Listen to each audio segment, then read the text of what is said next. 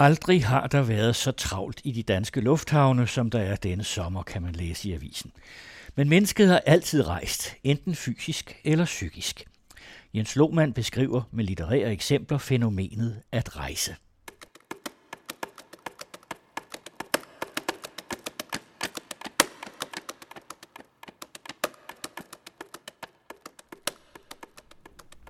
Rejsen begynder ofte inden i hver enkelt af os med drømmen om at komme bort. På ferie, på eventyr, på flugt fra noget, på vej til et nyt liv, i virkeligheden i drømme, eller i andres beretninger. Hvem har ikke som barn lyttet til voksnes beretninger om rejser til nær og fjern, om sære eller spændende oplevelser, der har næret fantasien? Og hvem har ikke lavet fantasien flyve på det brændstof, som film, tegneserier og ikke mindst bøger har givet os? Næst efter fantasien er litteraturen det rum, hvor de fleste rejser finder sted. Biblioteker og boghandlere har stor afsætning af rejsebøger. Men udvalget begrænser sig som regel til de mest gængse og nyeste rejseguides og beretninger. Kun et sted i Danmark har man for alvor specialiseret sig i alle typer rejselitteratur, ny og gammel, dansk og udlandsk. Det er rejseboghandlen og caféen Trankebar i København, som drives af tre ildsjæle. Jeg har mødt to af dem en tidlig formiddag, før det store ryk ind af kunder. Tina Larsen og Ib Scherbæk bød på god kaffe i de utraditionelle lokaler, hvor man sidder bekvemt mellem bøger og plader samt kunsthåndværk fra de eksotiske egne, mange drømmer om at besøge. Jeg har haft min øh, lærer læreår Simon Spies, og der var jeg rejseleder rundt omkring i Europa, i Rom og storbyer. Og der manglede altid et bibliotek, og så stod der måske sådan en forkølet geografibog eller et eller andet. Ikke? Men, øh, og når man så tog til Danmark og skulle hente noget, så synes jeg bare, at der manglede et sted, hvor man kunne gå hen og finde øh, alle aspekter og indgangsvinkler til et land. Ikke bare med, hvor hotellet lå, men skønlitteratur og geografi og arkitektur, design, historie, det hele. Det har vi så forsøgt at samle her. Du har jo en helt anden baggrund i. Ja, det må man sige. Jeg har været i bogbranchen i lidt over 50 år, og har primært været i boglader med et bredt sortiment, men har da også været på, på forlag. Og jeg mødte øh, Tina ude i Chesters Bogcafé på Christianshavn, og da hun havde været i lære der et års tid, så begyndte hun at lede efter et sted at åbne sin rejseboghandel. Kom tilbage og sagde, at MS skulle lukke her, Mellemfolkelig Samvirke, og det kunne blive en fantastisk forretning. Men det var for meget for hende at gabe over alene. Og jeg synes, ideen lød sjov, og det kunne da godt være, at det var det, man skulle slutte, eller næsten slutte en karriere i bogbranchen med. Så øh, vi gik i gang med konceptet, stillede hvad skal vi sige, op, at vi skulle have bøger til alverdens lande, altså omkring 200 lande. Og det har vi så næsten også. Og også til ikke eksisterende lande? Også til ikke eksisterende, ja. Altså, du kan skelne mellem, hvem der er medlem af FN, og hvem der ikke er medlem af FN, og så har vi alle fantasilandene også. Dem har vi nu ikke rigtig fået defineret. Dem har vi bare som en samlegruppe indtil videre. Men altså, i har jo ikke kun rejselitteratur, I har jo også et sortiment af det, vi kan kalde almindelige bøger, ikke mindst skønlitteratur. Hvad, hvad gør skønlitteraturen i en rejseboghandel? Det er jo for at få den lidt dybere, hvad skal vi sige, indsigt i det enkelte land. Og det er jo noget, vi først fandt lidt senere. Men den israelske forfatter Amos Oz, han skriver, eller han holdt en tale i øh, 2007, da han modtog den store spanske pris. Jeg ved ikke, om du kan udtale det, Tina, for det kan jeg ikke. Det altså Elsa kan Asturia-prisen. Asturia-prisen, ja. Der holder han en tale, og der siger han, hvis man køber en billet og rejser til et andet land, vil man sandsynligvis besøge monumenter, paladser, pladser, museer, landskaber og de historiske steder. Hvis man er heldig, får man måske lejlighed til at tale med lokalbefolkningen. Så rejser man hjem igen med en masse fotografier og postkort i bagagen. Men hvis man læser en roman, får man en faktisk en billet til et andet land og et andet folks inderste kerne. Når man læser en udenlandsk roman, er det en invitation til at besøge andre menneskers hjem og et andet lands private gemakker. Og det har vi faktisk haft i baghovedet. Det er indledningen til hans tale. Det har vi haft i baghovedet, når vi disponerede. Derfor har vi efterhånden købt mere og mere skønlitteratur, således at når man skal øh, til Rusland, jamen så står der altså også noget Tolstoy og Dr. Sivagov, og der står også Anna øh, Spå, du ved, journalisten. Anna Politovskaya. Ja, og det giver ligesom spektret af, hvad der er sket, for eksempel i Rusland. Og oppe øh, på USA, der kan der godt være nogle af præsidenternes erindringer og Eisenhowers dagbøger fra 2. verdenskrig osv. Det er for at give det både bredde og dybde. Vil det sige, at så kan man jo strengt taget komme herned og, og købe sig fat i bøger, i stedet for at gå over på den anden side af gaden og købe sig fat i rejser, og så tage hjem og så rejse, uden at øh, skulle gennem paskontrol og det hele. Der er ikke nogen visumtvang til litteraturen. Ja, det er nemlig også det, der er meningen. Ikke? Altså, der står et sted i Alain de Botons øh, Kunsten at rejse, der står, at øh, forventningen og erindringen om rejsen, det er det bedste ved rejsen. Altså, selve rejsen, den er ulidelig og svedig og tung og dyr og belastende. Men her så kan man så bare, man kan, man kan forberede sig og ja, forventningerne, de kan ligesom blive store her, og, og så kan man også uanset om man kommer ud og rejse eller ej, så kan man sidde her og, og huske tilbage og finde bøger om, flotte billedbøger om Afrika, hvis det var der, man var. Så man behøver egentlig ikke rejse. Det er heller ikke særlig øh, godt lige nu, CO2 og den slags. Så der, man her kan man foretage drømmerejser, øh, og det er også derfor, vi har indrettet det sådan, så man føler sig lidt hensat til nogle andre steder end nødvendigvis koldt København. Hvordan har I indrettet det, som man føler sig andre steder? Vi har malet til sort, så det overhovedet ikke virker skandinavisk. Øh, og så har vi tilsat alverdens farver og lys, og så har vi kunsthåndværk fra hele verden, som vi selv tager ud og finder. Øh, det er fair trade, det er meget vigtigt.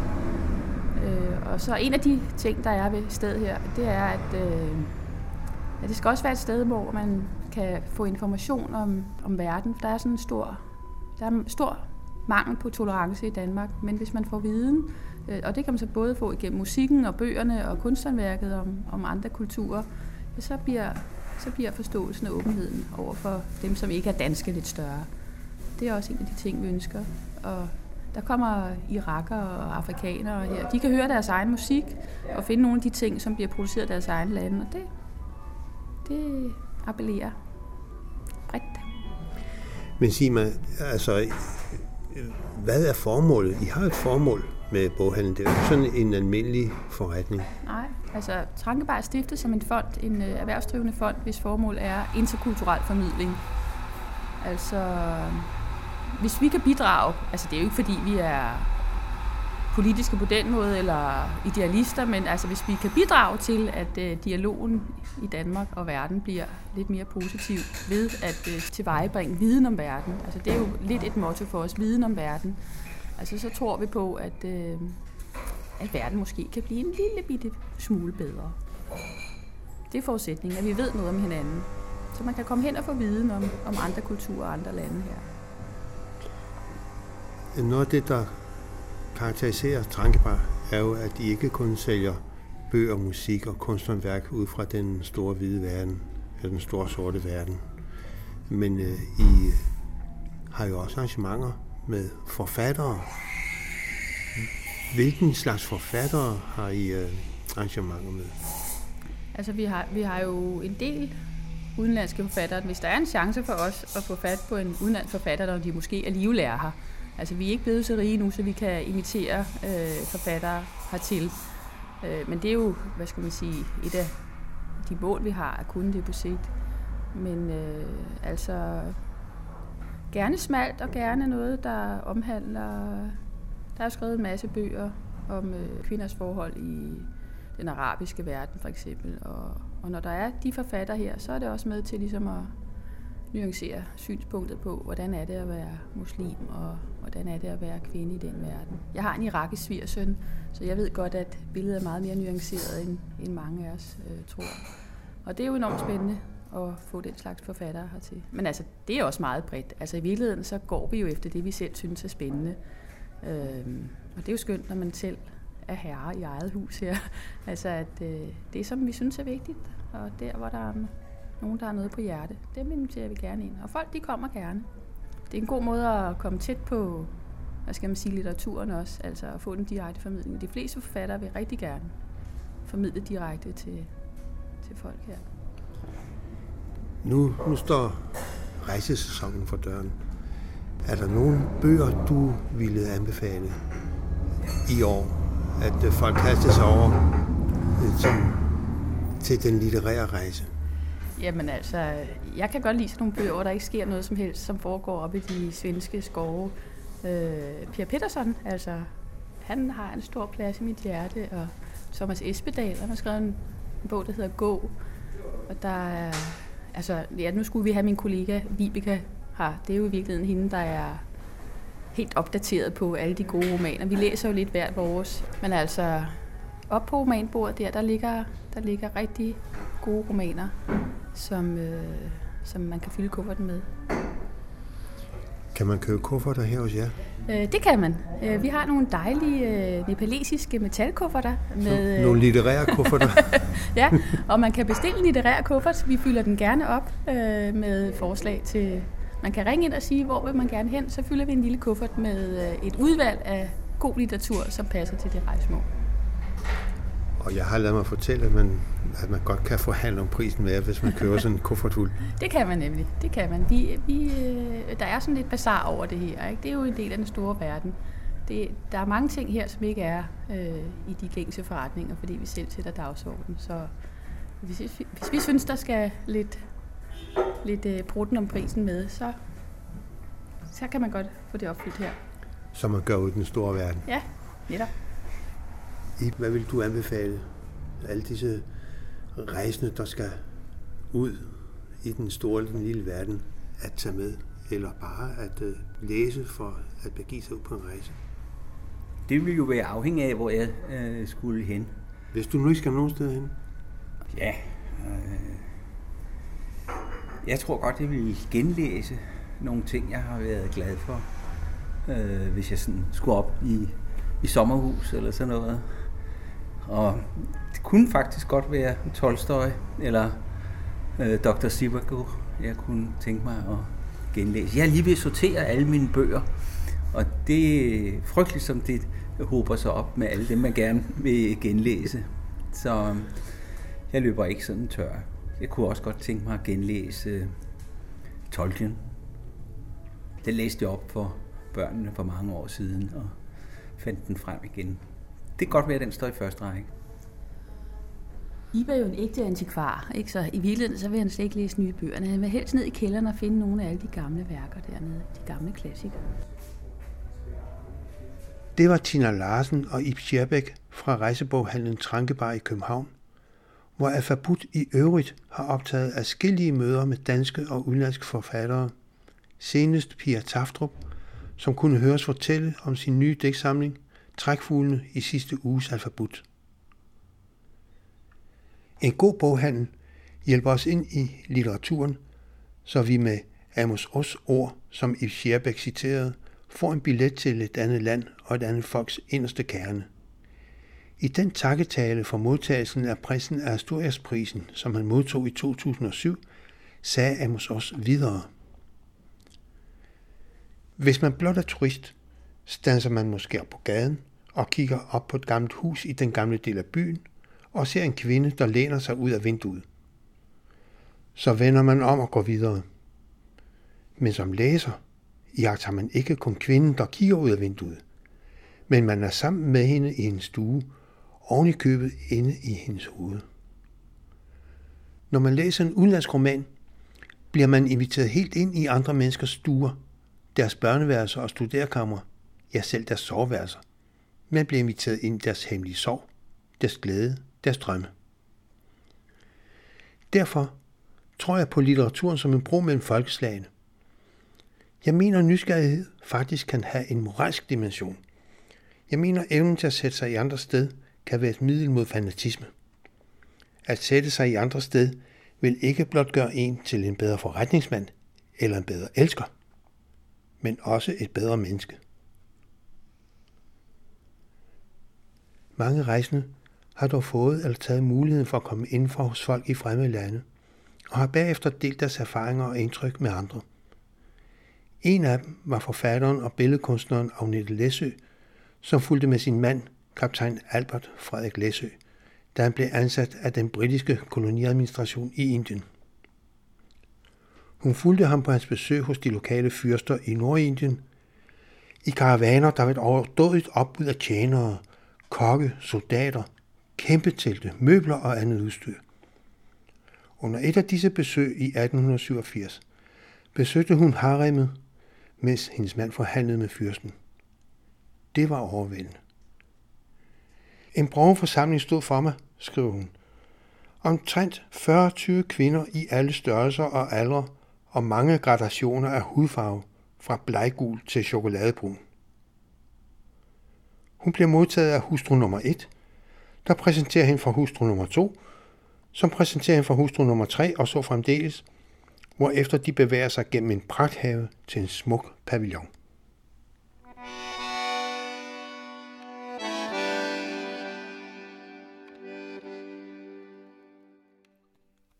Midt igennem haven løber en marmorbesat kanal med fontæner. Pavillonen er også poleret marmor med mosaik og arabesker af agat, blodsten og tyrkiser. En meget bred veranda med disse smukt dekorerede søjler danner forhold til selve pavillonen, der består af tre værelser, hver med sit springvand. Vi bliver i verandaen, hvor smukke hønder og tæpper dækker det kolde marmor. Man beder os tage plads, og først når vi har sat os, kommer de tre fyrstinder og deres børn og sætter sig lige over for os. Alle de underordnede sidder udenfor på trappen, som fører ned til kanalen. To af dem går på deres herskerindes vink og kommer straks tilbage med bakker, hvorpå der ligger bagværk og frugter fra haven. Fyrstinden har selv med højst egne hænder tilberedt den lide tiltalende konfekt, så vi er nødt til at lade, som om det smager dejligt.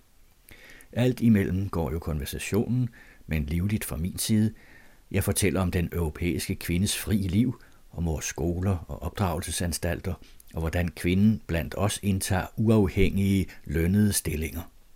Øjnene står stive i hovedet på damerne af forbavselse. Noget sådan havde de aldrig hørt om. Deres herrer og undertrykkere skulle nok holde dem i uvidenhed derom. Men bliver I da ikke trætte af at arbejde, siger Fyrstene Birgi om sider. Arbejdet er for de fattige. Vi som kan sidde på stas og lade os opvarte, prøve alle vores toiletter og smykker dagen igennem og spise fed pilav og sødt badværk. Arbejdet er for de fattige. Vi som kunne sidde på stas og lade os opvarte, prøve alle vores toiletter og smykker dagen igennem og spise fed pilav og sødt bagværk i mangotræets skygge, er dog langt lykkeligere. Det var unødigt at prædike kvindens uafhængighed for disse forkudede skabninger, som århundreders undertrykkelse har gjort til slaver – så godt som noget solgt og købt menneske. Men godt er det jo egentlig, at de er tilfreds med deres lod, i stedet for at sukke under det tunge å. Fyrstinden fortalte mig, at hun aldrig har været uden for sit hus, undtagen i pavillonen og haven her, end sige uden for byen. Da hun for otte år siden blev gift, hun er nu 22, blev hun fra den nærliggende stad Masuda ført fra sine forældres hus i en ret, så hermetisk tillukket med svære silkegardiner, at intet menneskeligt øje kunne få det mindste glimt at se af han eller hun af omverdenen. De fornemme damer sætter deres stolthed i at kunne meddele sådanne fakta. Jo strengere indspæringssystemet er, des finere er kasten, og de højadelige damer ser med foragt ned på riattens, bundens kone, som frit færdes ved markarbejdet og kun for et syns skyld trækker Sara ind ned over ansigtet, når en fremmed nærmer sig. Da vi havde beundret kasser fulde af smykker og bunker af guldindvirkede silkegevanter, gav jeg tegn til opbrud. Med mangfoldige høflighedsformer tog vi afsked med hinanden, men inden vi gik, måtte vi underkaste os den vigtigste afskedsceremoni, uden hvilken ingen gæst må forlade et indisk hus. En af de mange tjenende ånder bragte en nydelig sølvfiligranbakke, og herpå stod et sølvbager fyldt med rosenolie og på bakken lå girlander af blomster, trukket på tråd. Også panblade foldet sammen i en trekant, så det kommer til at ligne et lille brev. Det er hæftet sammen med en krøddernellik, forsølvet eller forgyldt og fyldt med stødt betelnød. Ceremonien er følgende. Fyrstinden hænger en blomstergirlande om halsen på os hver. Så præsenterer jeg hende en lignende. Derpå dypper hun fingrene i rosenolien og tørrer dem af på mig. Det er ikke en graciøs stænken, men ligefrem en gestus, som om hun tørte fingrene af. Jeg beviser hende samme tjeneste, og til slut får hver af os et par af de små betelbreve overragt. Før man bliver vant dertil, er det vanskeligt at gennemgå disse morsomme ceremonier uden at fortrække en mine. Endelig er det overstået. Jeg udbreder en duft som af tusind roser, og således begrænset og parfumeret går vi der i optog gennem haven. Den gamle mand venter og fører os tilbage til søjlehallen, hvor jeg finder Radjaen og min mand i ivrig samtale. For anden gang kom rosenolien og blomsterne frem. Det er min mands og fyrstens tur at begrænse og olie hinanden. Girlanderne må vi smukt beholde på, indtil vi når lejren og kommer ind i teltene. At tage dem af for inden ville blive anset som en blodig fornærmelse mod giveren. Besøget er nu forbi. Fyrsten og følget ledsager os ned igen til slottets port.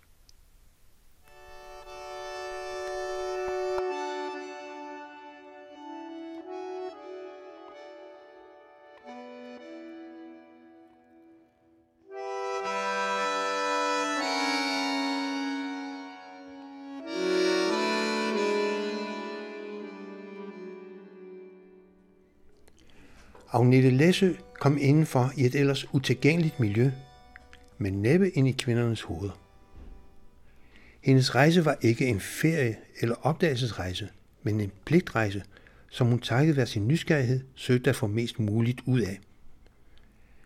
Hendes forhåndsviden var begrænset i modsætning til vortidsrejsende, der kan forberede sig på nettet og ved hjælp af større eller mindre rejseguides eller rejseførere, en særlig specialiseret form for litteratur – der skal hjælpe den rejsende til at se så mange gamle huse, kirker og monumenter som muligt, til at nå frem til de bedste strande og til at finde de bedste hoteller, barer og restauranter.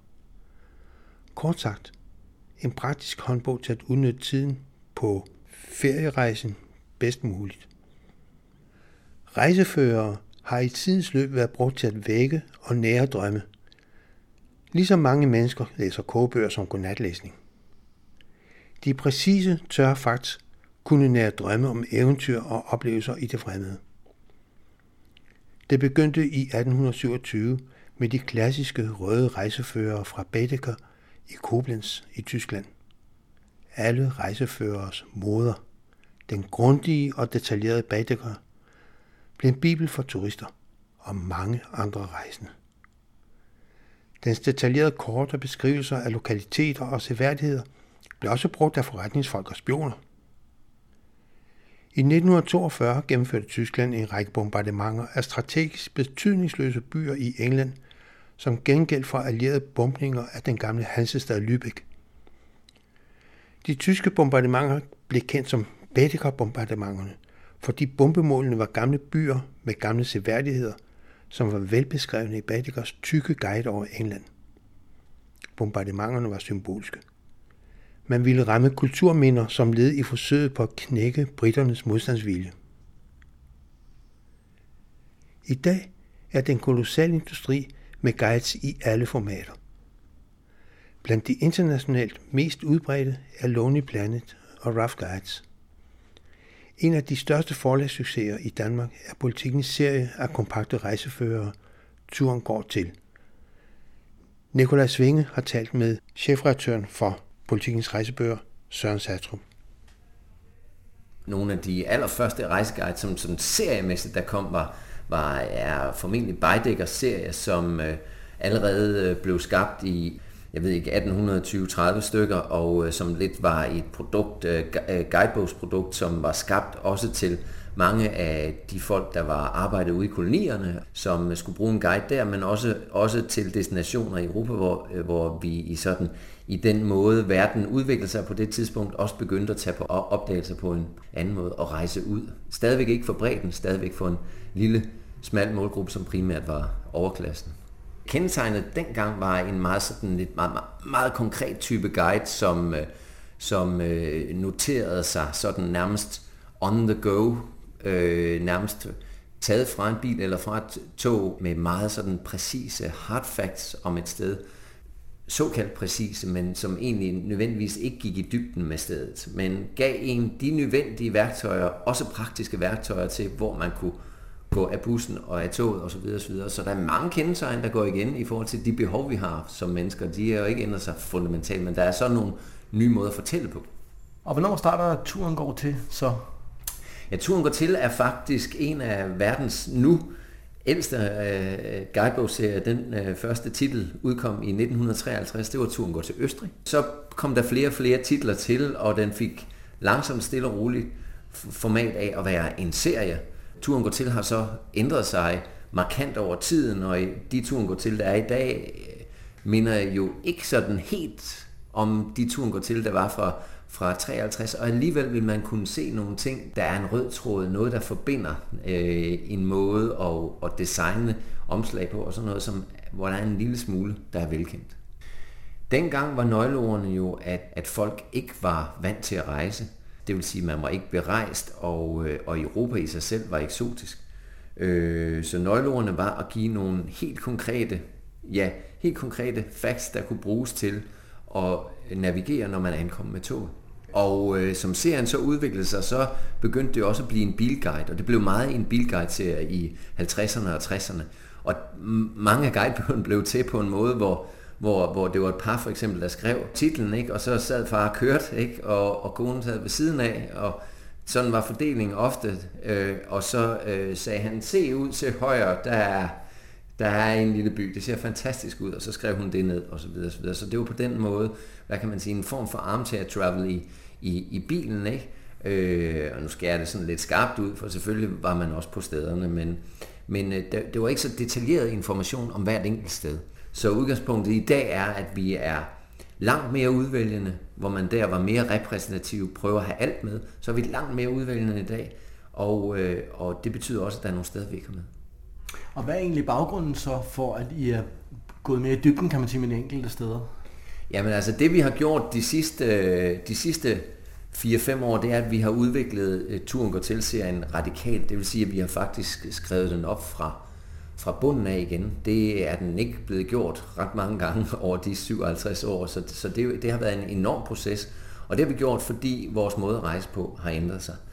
Vi er blevet meget mere rejsevandt. Folk rejser flere gange om året, eller mange gør. Øh, vi rejser ikke så meget sådan en tur igennem hele Frankrig. Det vi vil, det er, at vi vil have information, der går meget tættere på. Vi vil ind i det lille område, vi vil ned ad den lille baggård, vi vil ind til den lille bund. Øh, vi vil have forfatterens udvælgelser, så vi ikke spilder vores tid. Vi vil ikke spilde tid. Det er jo sådan lidt besønderligt, fordi vi vil bruge vores tid sådan fuldstændig optimalt.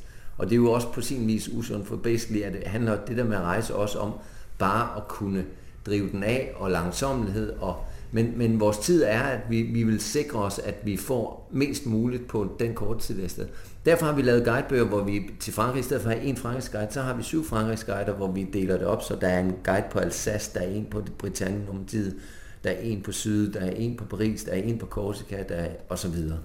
Så øh, folk vil tættere på, de vil have information, der går tættere på. Øh, men selvom man går tættere på, så er der masser af information, man skal vælge fra, og det gør vi så. Og det vil sige, at vi sorterer meget i og siger, hvad er mest interessant for den rejsende? Hvordan er det, vi rejser i dag? Hvordan skal vi lave en cocktail, som tilfredsstiller de fleste?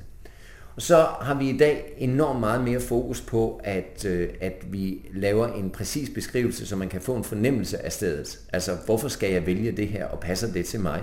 Så vi får det beskrevet meget præcist, og det stiller enormt store krav til, at forfatterne kommer ud til destinationer, er der og oplever stemningen der, og derfor kan, kan vælge det rigtige til dem. Det stiller jo så krav til researchen, kan man sige, men, ja. men det stiller vel også krav til skribenterne og, og det, de skriver, og til deres troværdighed, kunne man sige. Det gør det jo bestemt, ikke? Øhm, fordi du som køber skal være overbevist om, at her har vi en, en, en troværdig person, og derfor gør vi enormt meget ud af at prøve at finde nogle folk, som kender stederne godt, hvor man før havde, og, og det var fint, for det gav mening dengang, at man havde nogle forfatter, som skrev 6, 7, 8, 9 bøger, øh, så har vi altså været nødt til nu at vælge at lave bøger øh, med forfatter, som kender stederne godt. Øh, fordi de, man kan ikke begynde at lære stedet at kende, øh, efter man har fået chancen. Man skal kende stedet. Så det er noget med at kende litteraturen, kende, kende stederne, kende øh, de, historien osv., så, videre, så man kan lave noget, der er tættere på og mere tilfredsstillende for brugeren. Og det kan med mange destinationer være øh, hvad hedder det, en udfordring at finde, hvis vi snakker smalle steder, finde nogle folk, der kender det godt. Så det er en af vores helt store opgaver. Hvis vi ser tilbage, så sådan som forfatteren har ændret sig, hvis vi ser sådan helt tilbage og så frem til i dag, så er, så er det i dag, altså udgangspunktet er, de skal kende stederne enormt godt. Det er fuldstændig afgørende for os.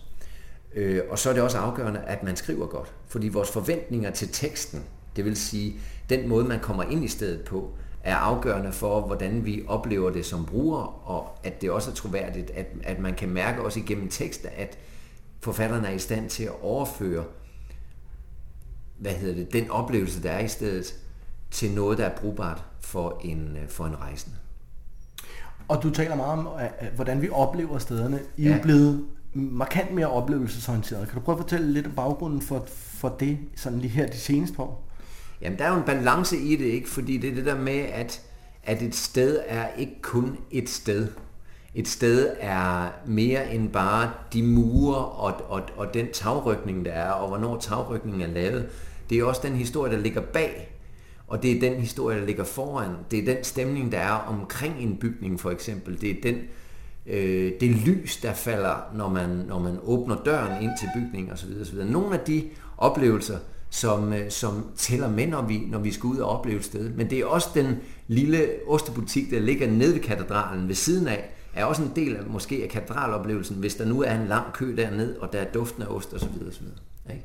Og det er selvfølgelig også vigtigt, at det så ikke kommer over til at blive skønlitteratur eller, eller, eller lyrik på den måde, at, at der er nogle hard facts, som folk gerne vil have om stedet, så derfor prøver vi at arbejde reportagemæssigt, altså arbejde med sproget, og derfor er langt de fleste af vores forfattere også journalister.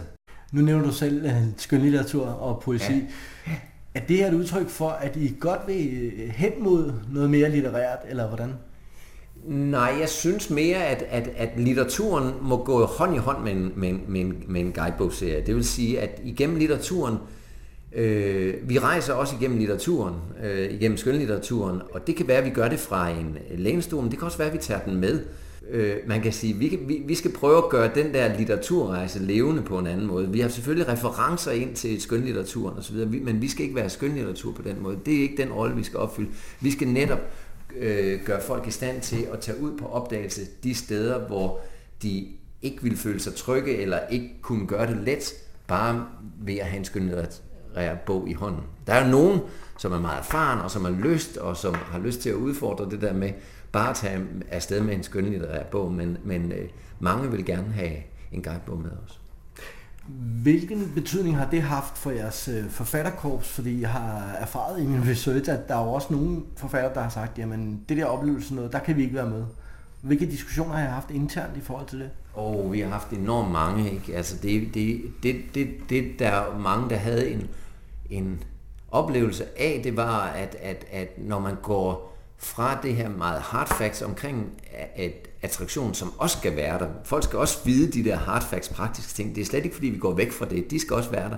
Men der skal også være oplevelsen af stedet samtidig, at vi så var ude i sådan en, en såkaldt kaffe latte-univers, at det var lige om larmsprog og sådan noget. Det har slet ikke været ønsket. Ønsket har været at give en fornemmelse for stedet, men gør det via reportagesproget.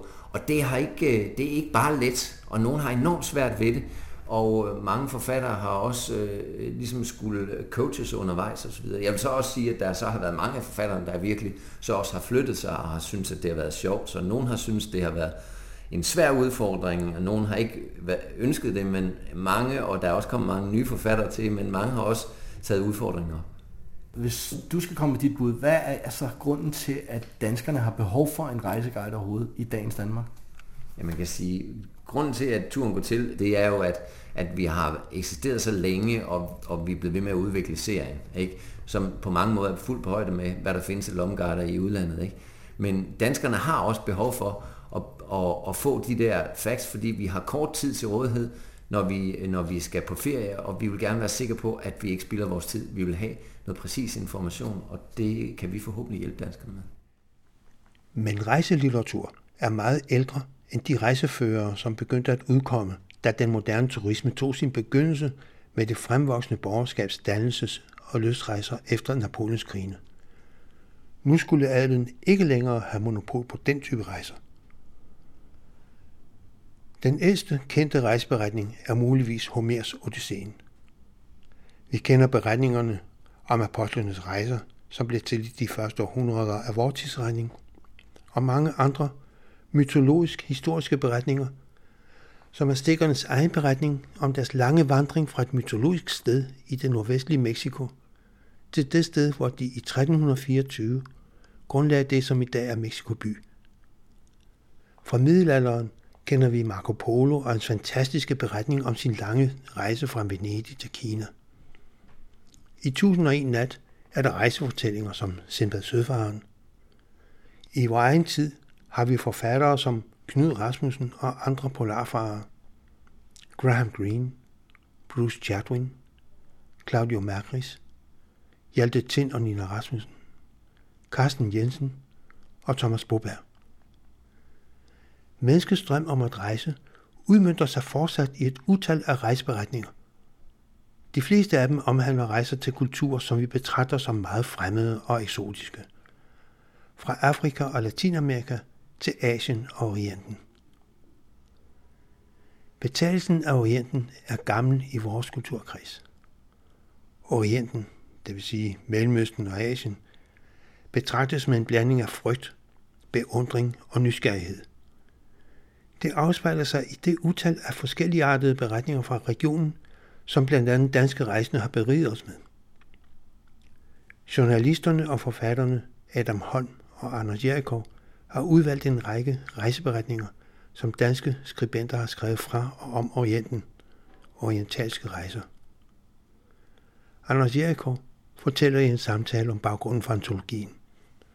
Ja, grundlæggende er det jo nok, fordi vi selv er, er vildt optaget af de verdensdele, og vi har øh, læst os igennem en masse litteratur fra øh, de sidste par hundrede år. Og så slog det os, at det i dag ofte er som om skribenter jeg tror, at vi er de første, som har haft en forbindelse til Orienten, til Nordafrika eller Mellemøsten eller Sydasien. Og rent faktisk er der jo mennesker fra vores lille land, som har rejst i den del af verden gennem flere hundrede år. Og øh, allerede for 100 år siden og 200 år siden er der mennesker, som er begyndt at, at opleve og undre sig over forhold, øh, som øh, de har beskrevet på den mest fantastiske måde, og som vi andre måske burde have lært af i de her 100-200 år, der er gået i mellemtiden. Øh, og øh, vi vil gerne vise her, at øh, man ved at øh, gå tilbage i, i litteraturen, så kan man få en usmykket eller uparfumeret oplevelse af Orienten, som ikke er præget af de krige, som er i dag, eller ikke er præget af kolonialismen, eller af de stormagtsforhold, som eksisterer i dag, det er mennesker, som er, er rejst ud, måske for 100-200 år siden, fordi de har haft en personlig opgave. Øh, der er nogle billedkunstnere, der er nogle erhvervsfolk, der er diplomater, som er rejst afsted, ofte alene, og som pludselig har befundet sig i ofte et arabisk land øh, med en helt konkret opgave, hvor de har øh, mødt den lokale kultur i øjenhøjde, og hvor de har tilbragt lang tid øh, imellem en overvejende muslimsk befolkning, som de har fået meget tæt på sig. Og vores opfattelse er, at man igennem de her mennesker kan opleve Mellemøsten øh, uden at være bundet af, af de overvejelser, som tit gør sig gældende i dag, om man er for eller imod krige i Irak eller Afghanistan, og hvad man synes om Israel og Palæstina, og øh, hvad man øh, måtte mene om om forholdet til muslimer i Gellerup-planen og hvad man ellers diskuterer i dag. Her har vi nogle mennesker, som pludselig bor i Algeriet eller i Cairo eller i Konstantinopel, som Istanbul hed i gamle dage, og de ser øh, deres omgivelser øh, med nogle andre øjne, end øh, vi har i dag. Men de rejser jo ikke ud sådan totalt uhildet. Altså, de har nogle bestemte opgaver. Ja. Det kan være politiske opgaver, det kan være kortlægningsopgaver, og det kan være handelsopgaver. Ja. Men de rejser vel også ud med, de har jo også nogle fordomme med i bagagen. De har absolut masser af, af hvad skal vi sige, opfattelser, og ofte også fordomme, og nogle af dem er, er vil jeg mene i dag, ret racistiske. Men de færreste af dem er i deres øh, sådan umiddelbare personlige tilgang en del af det, man vil kalde et større imperialistisk spil i dag. Øh, man kan undre sig over, at, at mange af dem faktisk rejser øh, uden at være specielt belæste. Øh, og, og når man nu her ovenikøbet kan se, at der er rejst øh, danske skribenter i øh, det, man kalder Orienten igennem adskillige hundrede år, så kan det undre, at mange af dem til synligheden ikke har læst forgængerne. Det er ikke sådan, at, at, man, at det er et gennemgående træk, at de alle sammen har læst for eksempel Carsten Niebuhr, som ledede den store danske ekspedition for, for godt 200 år siden. De færreste af dem har læst ham. Det er heller ikke sådan, at de er velbevandrede i, i skønlitteratur, øh, som har inspiration dernede fra, eller at de har læst videnskabelige rapporter. Nej, de fleste af dem, de rejser med, med nysgerrighed som den største bagage. Så har de fleste af dem formentlig læst Bibelen, så de har sådan en, et, et, øh, meget næsten romantisk forhold til den del af verden, men egentlig faktuel viden har de ikke særlig meget af. Øh, og derfor står deres oplevelser øh, også øh, ret skarpt. De føler, at de ser oplevelserne som den første, der måtte have en sådan oplevelse. Og de prøver så at fordøje den over for det, de kender hjemmefra. Og meget ofte giver det sig udslag i, i en fordomsfuld øh, oplevelse eller en fordomsfuld vurdering af det, der sker foran dem. Men meget ofte er den knyttet til nogle, nogle, nogle ret personlige oplevelser derhjemme. Den er ikke sådan i større grad knyttet til strategiske overvejelser eller forholdet mellem øh, supermagter eller hvad man kunne forestille sig i dag.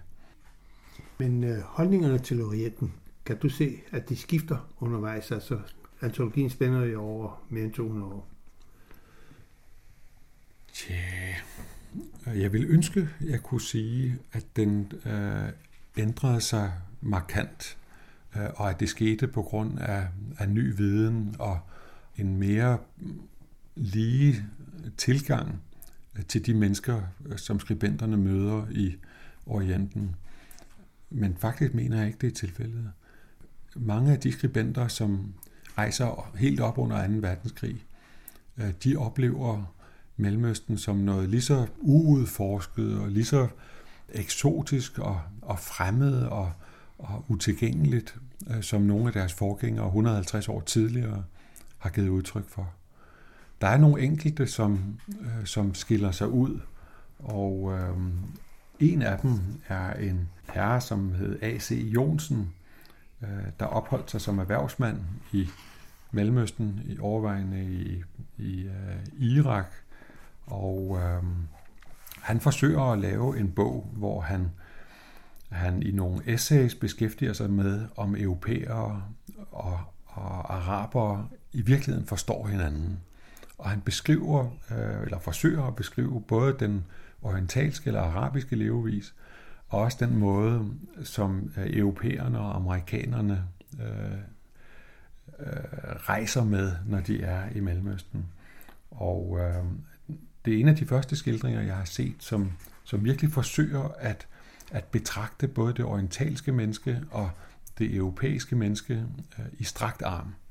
Og hans konklusion er, er meget deprimerende, fordi han han beskriver det som det her møde mellem det orientalske og det europæiske som en slags uvirkelighed, en europæisk uvirkelighed over for den arabiske virkelighed. Og han mener, at, at araberen kommer til at ryste på hovedet. Fordi efter, sådan skriver han, efter at, måske at have lavet sig dupere en kort tid, så vender han, altså araberen, ufravigeligt tilbage til sit eget. Til sidst gider han ikke engang ryste på hovedet. Alt dette europæiske og amerikanske postyr er ham ved Gud ligegyldigt. Alle erobrere fra Vesterland er kommet til kort i Arabien. Hvorfor der gør sig flere bekymringer om den ting? Det er jo en fantastisk ting at skrive. Han, han lavede det lige efter øh, 2. verdenskrig. Øh, bogen kom i 1946. Og øh, i, i grunden er det jo stærkt deprimerende, fordi i, i den her antologi optræder han så som næsten som konklusionen på 200 års øh, danske rejser øh, i den mellemøstlige verden. Og hans opfattelse er, at øh, europæeren faktisk ikke har lært at, at forstå, hvad der foregår i den arabiske verden. Og at øh, de arabiske mennesker, som, som danskerne og europæerne har rejst imellem, de faktisk ikke øh, nået til nogen bedre konklusion, end at ryste på hovedet og bare se europæerne forlade deres område igen. Med erobringen og koloniseringen af det amerikanske kontinent og de såkaldte opdagelsesrejser kom en ny rejselitteratur til verden. Der var beretninger om nye, ukendte og ofte farlige lande, der som regel rummede umådelige rigdomme og muligheder, men også mange farer i skikkelse af ukendte uhyre og blodtørstige, primitive, hedenske folkeslag. Men hovedfascinationen var det nye og ukendte. Rigdommene og de mange muligheder. Det skildrer svejseren Alain de Botton i afslutningskapitlet i sin tankevækkende bog Kunsten at rejse fra 2003, hvor han igen og igen vender tilbage til den fysiske rejse, rejsen gennem fantasien eller forestillingen om rejsen og forventningerne til rejsen.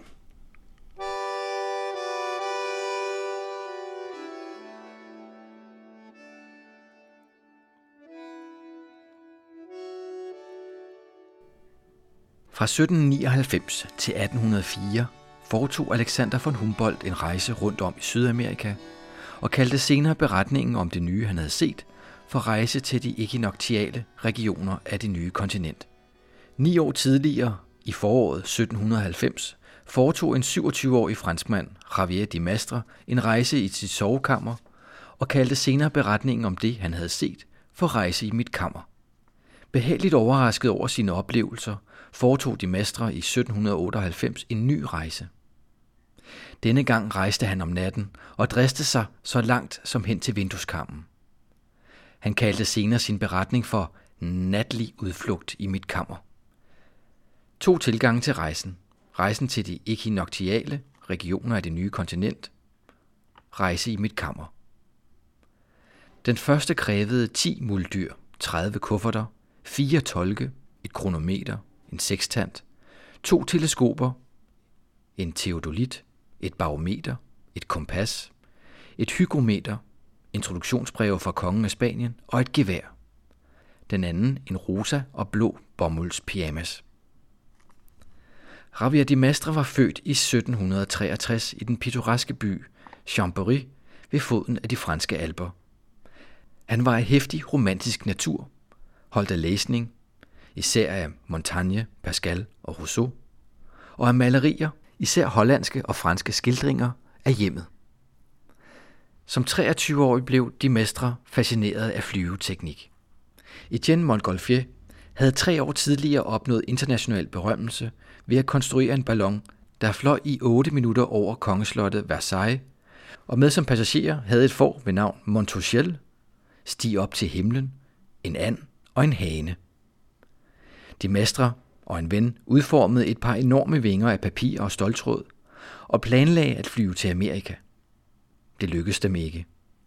To år senere sikrede de mastre sig en plads i en varmluftsballon og tilbragte nogle øjeblikke svævende over Chambéry, før maskinen styrte ned i en fyreskov. I 1790, da de mastre boede i et beskedent værelse øverst i en beboelsesejendom i Turin, lagde han så grunden til en ny rejseform, der skulle gøre ham berømt. Værelsesrejsen. I sit forord til Rejse i mit kammer understregede den politiske teoretiker Joseph de Mastre, at det ikke var Xaviers hensigt at tale ondt om de heldegærninger, som fortidens store rejsende havde udført. Magellan, Drake, Anson og Cook. Magellan havde opdaget en vestlig rute til krydderiøerne rundt om Sydamerikas sydspids. Drake havde sejlet rundt om jorden, Anson havde lavet nøjagtige søkort over Filippinerne, og Cook havde bekræftet eksistensen af et sydligt kontinent.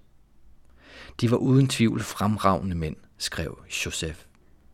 Der var bare det, at hans bror havde opdaget en måde at rejse på, der kunne være uendeligt mere praktisk for dem, der hverken var modige eller velhavende som dem. Tusinder af mennesker, som før slet ikke havde turet, andre, som ikke havde kunnet, og endelig andre, som ikke havde tænkt på at rejse, vil nu beslutte sig for det og følge mit eksempel, forklarede Xavier, i det han gjorde sig klar til sin rejse. Selv den ladeste vil ikke tøve med at begive sig på vej med mig og skaffe sig en glæde, som hverken koster anstrengelser eller penge. Han anbefalede især værelsesrejsen til de fattige og til dem, der frygtede uvær, røverier og høje skrænter. Uheldigvis gik de Mestres egne banebrydende rejse, lidt som hans flyvemaskine, ikke særlig langt. Historien begynder godt. De Mestre låser sin dør og skifter til rosa og blå pyjamas. Uden brug for bagage rejser han hen til sofaen, det største møbel i værelset. Da hans rejse har rystet ham ud af den sædvanlige sløvhed, ser han på den med friske øjne og genopdager nogle af dens kvaliteter. Han beundrer benenes elegance og husker de behagelige timer, han har tilbragt vugget i dens puder, mens han drømte om kærlighed og avancement i karrieren. Fra sofaen får de Mastre øje på sin seng. Endnu en gang, fra den rejsendes udkigspunkt, lærer han at påskynde dette komplekse møbel. Han føler sig taknemmelig over de nætter, han har tilbragt i den, og er stolt over, at hans sengetøj næsten passer til hans pyjamas. Han råder en vær, som kan, til at have en seng i rosa og hvide farver, for det er farver, som indgyder ro og behagelige drømmerier hos den, der sover uroligt. Men derefter kan det mestre anklages for at tabe det principielle formål med rejsen af syne. Han kører fast i lange og trættende sidebetragtninger om sin hund, Rosin, kæresten Jenny og den trofaste tjener, Jonetti. Rejsende på udkig efter en specifik rapport om værelsesrejser risikerer at lukke rejse i mit kammer med en følelse af at være blevet lidt snydt. Og dog udspringer det mestres værk af en dyb og tankevækkende indsigt. At den glæde, vi får på rejser, måske afhænger mere af den mentalitet, vi rejser med, end af det sted, vi rejser til. Hvis blot vi kunne overføre den rejsementalitet til vores egne lokaliteter, ville vi måske opdage, at disse steder blev mindst lige så interessante som de høje bjergpas og sommerfuglefyldte jungler i Humboldts Sydamerika. Men hvad er en rejsementalitet så? Modtagelighed kunne siges at være det vigtigste karaktertræk. Vi nærmer os nye steder med ydmyghed. Vi har ingen fastlåste idéer med os om, hvad der er interessant. Vi irriterer de lokale, fordi vi står på trafikhælder og på smalle gader og beundrer det, de synes er underlige små detaljer. Vi risikerer at blive kørt over, fordi vi er henrevet over taget på en regeringsbygning eller en inskription på en mur. Vi finder et supermarked eller en frisørsalon usædvanligt fascinerende. Vi dvæler længe ved et menukorts udformning eller ved oplæserens tøj i tv-nyhederne. Vi har sans for historiens lag under nutiden og tager notater og fotografier. Derhjemme føler vi os derimod mere satte i vores forventninger. Vi føler os overbevist om, at vi har opdaget alt, hvad der er interessant ved et kvarter, især fordi vi har boet der så længe. Det virker utænkeligt, at der kunne være noget som helst nyt at opdage på et sted, hvor vi har levet i et årti eller mere. Vi har vendet os til det og er derfor blinde. De mestre prøvede at ryste os ud af vores passivitet. I andet bind om værelsesrejser, natlig udflugt i mit kammer, gik han hen til vinduet og kiggede op på nattehimlen. Den skønhed gjorde ham frustreret over, at den slags scenerier ikke oftere blev værdsat. Hvor få mennesker, tænkte jeg, nyder i dette øjeblik sammen med mig det storslåede skue, som himlen til ingen nytte udbreder for den slumrende menneskehed. Lad gå en dag med dem, der sover, men hvad vil det koste dem, der spacerer, og dem, der mylder ud af teatrene, et øjeblik at se op mod himlen og beundre de lysende stjernebilleder, som blinker over hovedet på dem, hvorhen de retter blikket. Grunden til, at de ikke kiggede, var, at de aldrig havde gjort det før. De havde fået for vane at betragte deres univers som kedeligt, og universet havde pligtskyldigt indfriet deres forventninger.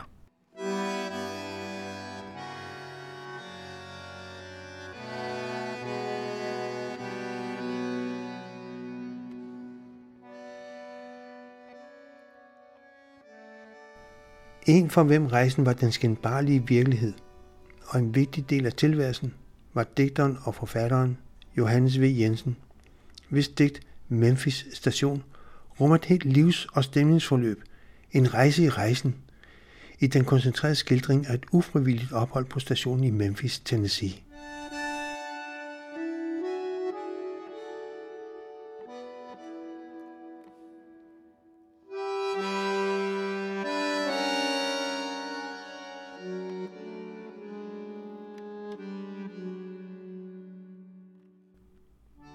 Memphis station. Halt vågen og halt blundende, slået af en klam virkelighed, men endnu borte i en indre gus af danaidiske drømme, står jeg og hakker tænder på Memphis station, Tennessee. Det regner. Natten er så øde og udslugt, og regnen hudfletter jorden med en hvidløs, dunkel energi. Alting er klædt og uigennemtrængeligt. Hvorfor holder toget her time efter time? Hvorfor er min skæbne gået i stå her? Skal jeg flygte for regnen og åndsfortærelsen i Danmark, Indien og Japan for at regne inde og rådne i Memphis, Tennessee, USA? Og nu dages det. Lyset siver glædesløst ind over dette våde fængsel. Dagen blotter ubarmhjertigt de kolde skinner og al den sorte søle. Ventesalen med chokoladeautomat, appelsinskaller, cigar og tændstikstumper. Dagen griner igennem med spyende tagregner og et evigt gitter af regn. Regn, siger jeg, fra himmel og til jord. Hvor verden er døv og uflyttelig – hvor skaberen er talentløs? Og hvorfor bliver jeg ved med at betale mit kontingent til denne plebejiske knejpkur af en tilværelse? Stille. Se, hvor maskinen, den vældige tingest, står rolig og syder og hylder sig i røg. Den er tålmodig. Tænd pipen på fastende liv. Forband Gud og svælg din smerte. Gå så dog hen og bliv i Memphis. Dit liv er jo alligevel ikke andet end et surt regnvejr.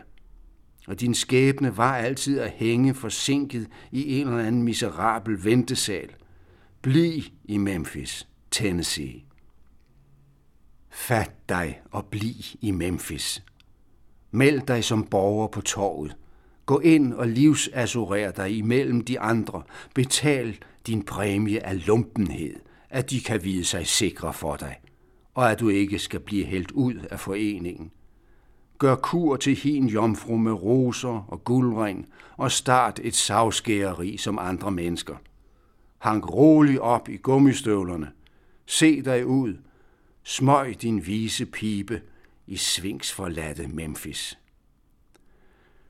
Åh, der kommer det elendige godstog, som vi har ventet på i seks timer. Det kommer langsomt ind med knuste sider. Det pifter svagt. Vognene lammer på tre hjul, og de sprængte ruf drøber af jord og slam.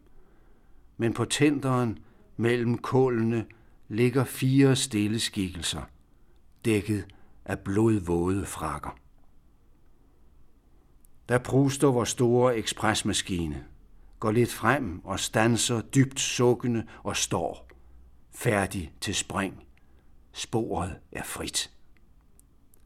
Og vi rejser videre gennem de oversvømmede skove under regnens gabende sluser.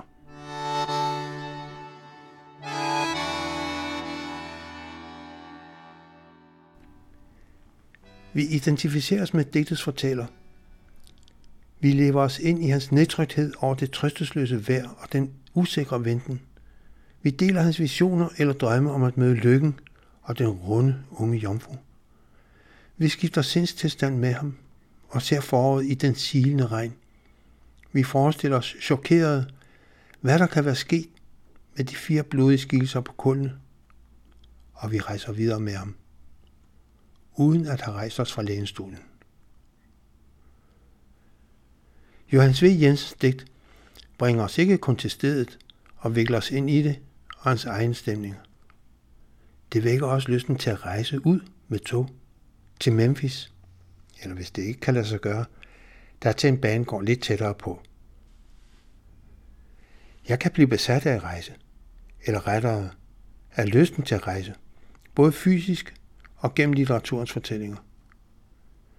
Min første store litterære rejse foretog jeg som femårig, da jeg læste Selma Lagerløfs Niels Holgersens vidunderlige rejse gennem Sverige. I den forkortede udgave forstås.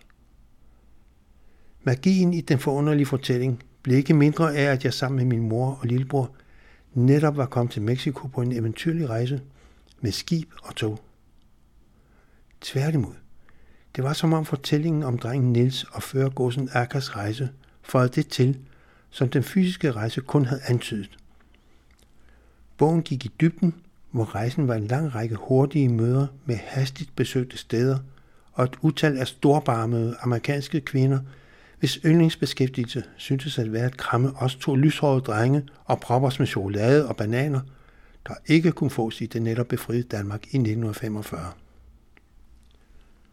Siden har jeg været besat af at rejse, at komme ind bag dørene og op til den kvinde i vinduet, som Amos Ost talte om, og sammen med hende kigge ud på verden. Men besættelsen kan også blive sygelig. Det mente man i hvert fald engang, fortæller den norske psykiater Finn Skotrud i kapitlet Sygelige rejser i sin bog Andre rejser.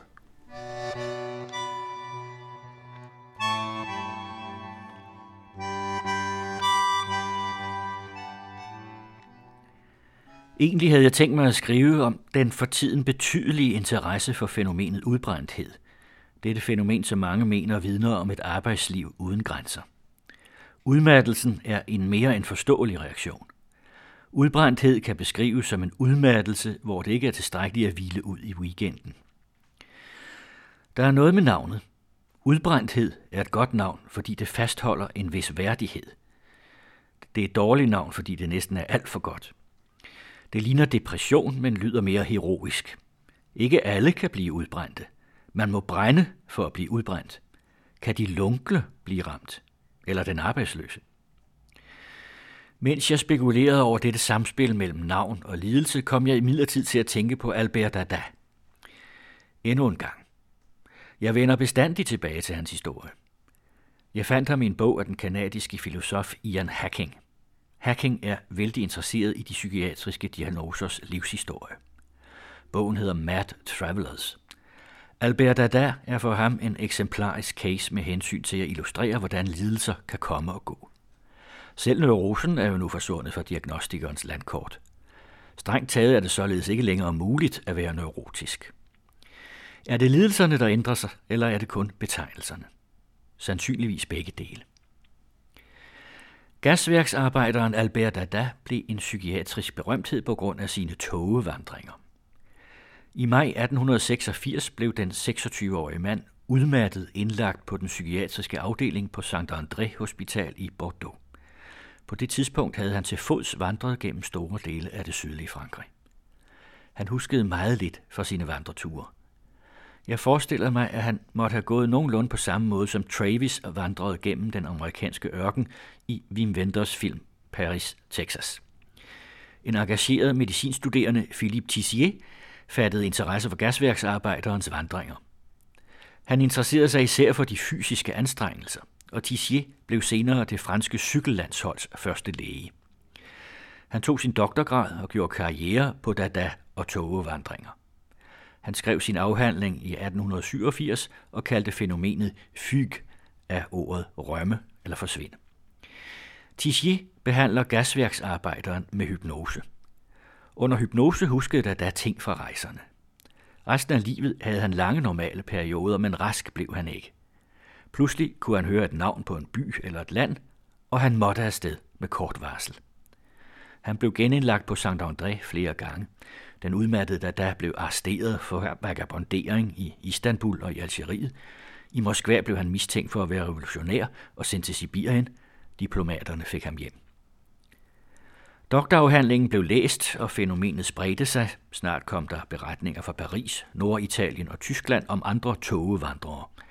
I Berlin blev Dada kendt som Tichiers rejsende, patologisk turisme, dromomani eller vandrelust blev derefter etableret som en psykiatrisk diagnose og blev ifølge Hacking en mini-epidemi i Europa. Den svenske medicinhistoriker Karin Johannisson kalder Dada en forsvinder og minder os samtidig om, at der er mange gode grunde til at forsvinde. Man behøver ikke at være syg. Efter omkring 30 år forsvandt fænomenet og diagnosen. Dette er kun et eksempel på mere eller mindre forsvundne lidelser. For en samling symptomer kan få status som kulturel lidelse, forudsættes som regel fire fænomener. For det første et sårbart sind, som Albert Dadas. Lidelsen har karakter af at undslippe noget. Dada brød op fra sin borgerlige tilværelse og sin utilfredse kone og var skyldfri, fordi han var syg og ikke kunne huske noget. For det andet en kulturel niche. Det skal være i pagt med tidsånden. Dada vandrede i en tid, hvor netop turismen begyndte at blomstre for langt flere end de mest velhavende. Rejsen blev også central i litteraturen, en flugt og en drøm. Den lyriske modernisme, som hos Baudelaire og Rimbaud, beskrev restløsheden og romantiserede det at rejse væk. Begreber som bevægelse, restløshed, mobilitet, forflytning, flugt og udflugter, grænser og grænseløshed er helt afgørende for at beskrive det moderne subjekt. For det tredje, læger på jagt efter patienter. Filosofen Michel Foucault skrev om 1800-tallets udbredelse af hysteri hos kvinder, at der bestod en gensidighed i forholdet mellem lægerne og kvinderne. Kvinderne var hysteriske, men de blev også hysteriseret af lægestanden. En mand gør ingen epidemi. Men hvad havde hysteriet været uden den store pariserlæge Jean-Martin Charcot? Hans tirsdagsforelæsninger på La Salpêtrière med dramatisk spektakulære fremvisninger af hysteriske krampeanfald og hypnotisk trance blev en attraktion for turister og journalister. Charcot læste også om Dada og beskrev selv senere flere af den type patienter. Endelig et villigt sprog. Hvad var der blevet af dromonien uden artiklerne, seminarerne og kongresserne? Det giver anledning til eftertanke i internettets tidsalder, hvor nye fortællinger om symptomer og behandlinger bliver spredt med elektronisk entusiasme.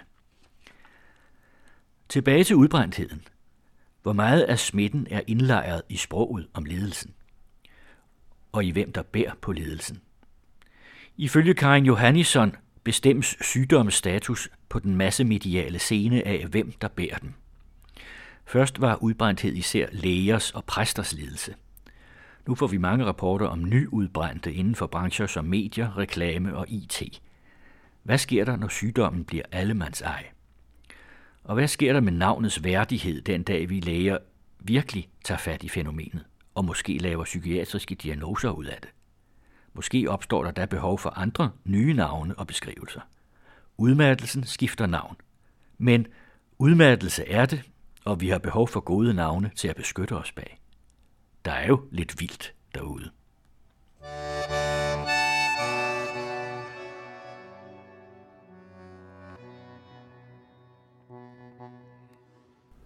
H.C. Andersen var besat af at rejse. Vi kender alle hans berømte udsagn. At rejse er at leve. Og det gjorde han unægteligt. Han sugede til sig, noterede i sin dagbog, tegnede skitser og delagtiggjorde siden os andre i sine oplevelser, indtryk, tanker og følelser. Få har som den selvoptagende og ofte selvmedlidende Andersen været i stand til at trække det væsentlige ud af rejseoplevelsen og gengive lys, lyde, lugte og følelser, så man hurtigt bliver suget ind i oplevelsen langt mere effektivt end nogen film eller tv-program kan gøre det. I rejsebogen En digters bazar viser han sig som en opmærksom og følsom jagttager, men også restløs, konstant søgende efter nye indtryk og oplevelser. En slags forløber for den moderne turist, hvis søgen efter rejseoplevelser ofte bliver ført ud i det ekstreme og ufølsomme, fra den hektiske storbyferie til de ultimative ekstreme rejser, hvor det mere drejer sig om at slå rekorder eller gøre noget andre ikke har gjort, ofte uden hensyn til lokalbefolkning eller miljø. Det er dog ikke Andersen. Han er hektisk og søgende, mere beskrivende end reflekterende. Men sikke beskrivelser.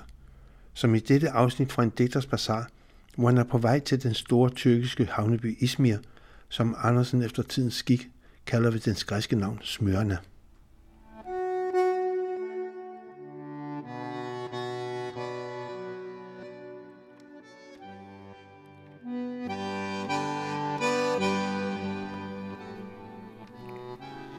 1841.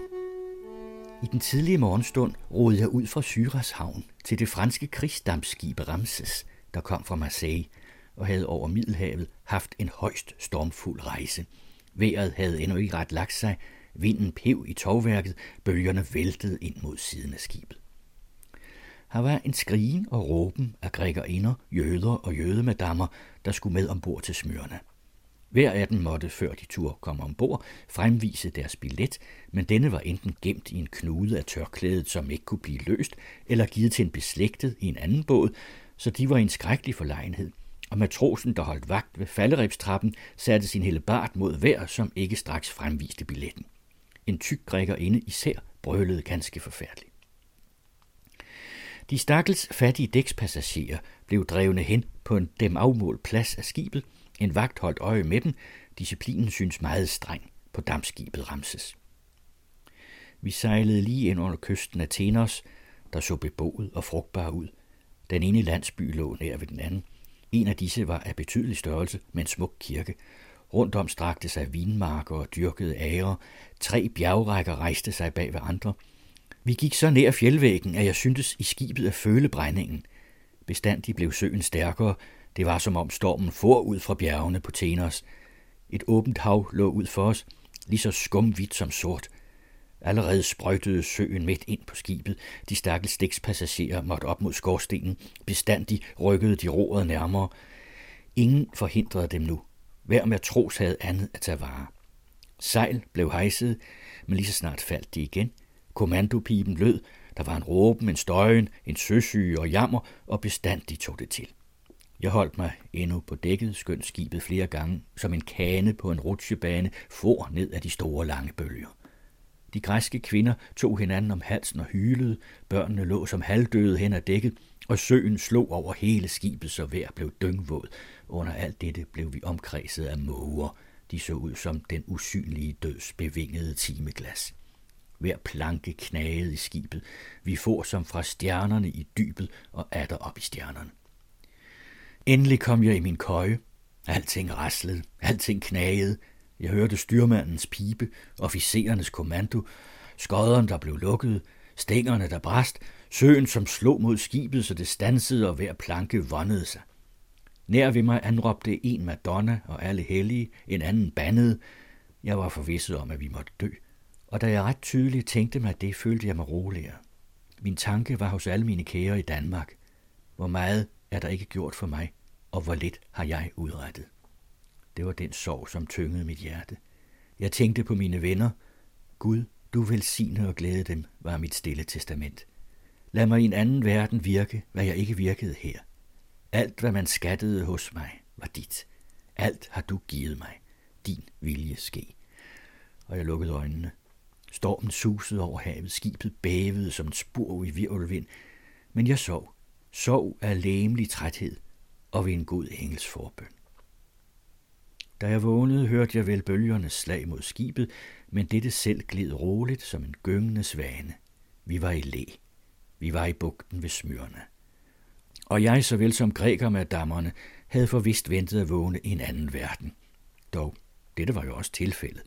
Jeg stod på dækket, og for mig lå en anden verden. Asiens kyst.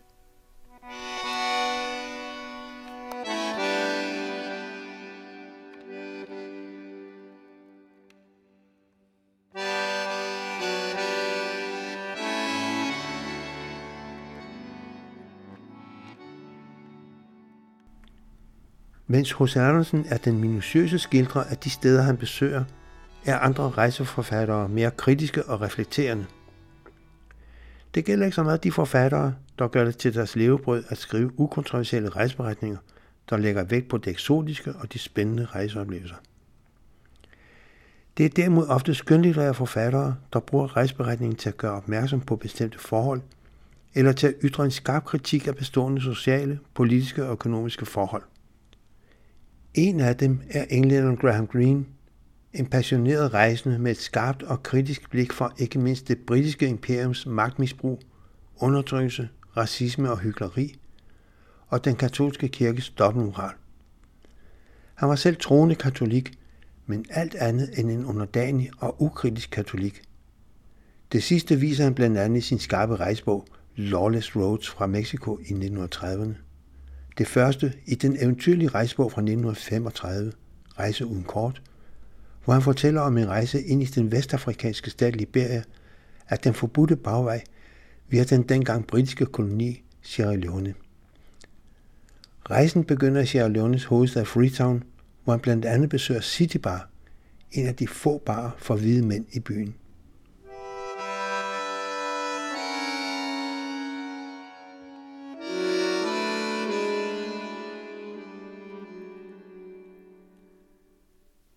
City Bar.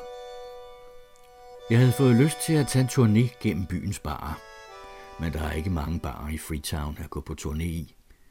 Der er ikke andre muligheder end at tage sig en drink på Gran og så gå over på City og få en drink der. City Bar er gerne mere fuld, og der er mere støjende, for der er de et billiard. Folk der er lidt mere kvikke, bliver lettere og lidt fulde og fortæller uartige historier. Men ikke, hvis der er kvinder til stede. Jeg havde aldrig befundet mig et sted, hvor man tog mere hensyn til kvinderne. Baren kunne have været befolket med studiner med Oxford-bevægede samvittigheder og hemmelige bekymringer. Alle sammen havde de en kone oppe i Hill Station, drak lidt, købte chokolader i weekenden og viste amatørfotos frem af deres børn derhjemme. Ja, jeg bryder mig faktisk ikke særlig om børn. Åh ja, mine kan de bestemt lide. Eller også havde de deres hustruer hjemme i England, tog kun to drinks, fordi de havde lovet konerne at være modholdende, og spillede kunkan med meget lave indsatser. De spillede golf og badede ved Lomley Beach. Der fandtes ikke en biograf, en hvid mand kunne komme i, og bøger blev naturligvis mugne i den fugtige luft, eller der gik orm i dem. Havde man været derude et stykke tid, gik der også orm i en selv. Det var uundgåeligt. Men det var der til synligheden ingen, som tog sig af. Freetown var den sundeste plads på kysten, fik man at vide. Den dag jeg rejste derfra, døde en ung mand fra skolevæsenet af gul feber. Kryb og malaria, selv uden gul feber, er nok til at formørke tilværelsen på den sundeste plads langs kysten. Mændene her i City Bar var tvunget til at genskabe forholdene hjemme i England, hvis de skulle leve nogenlunde hyggeligt overhovedet. De var ikke de virkelige herskere. De var simpelthen herude for at tjene penge og der var intet hyggeleri i deres indstilling til de satans sorte. De virkelige herskere kom derud for en periode af nogle få år, holdt en lang ferie hver gang, der var gået halvandet år, gav garden parties og gik for at være der til de regeredes bedste. Det var disse mænd, der havde så meget at stå til ansvar for.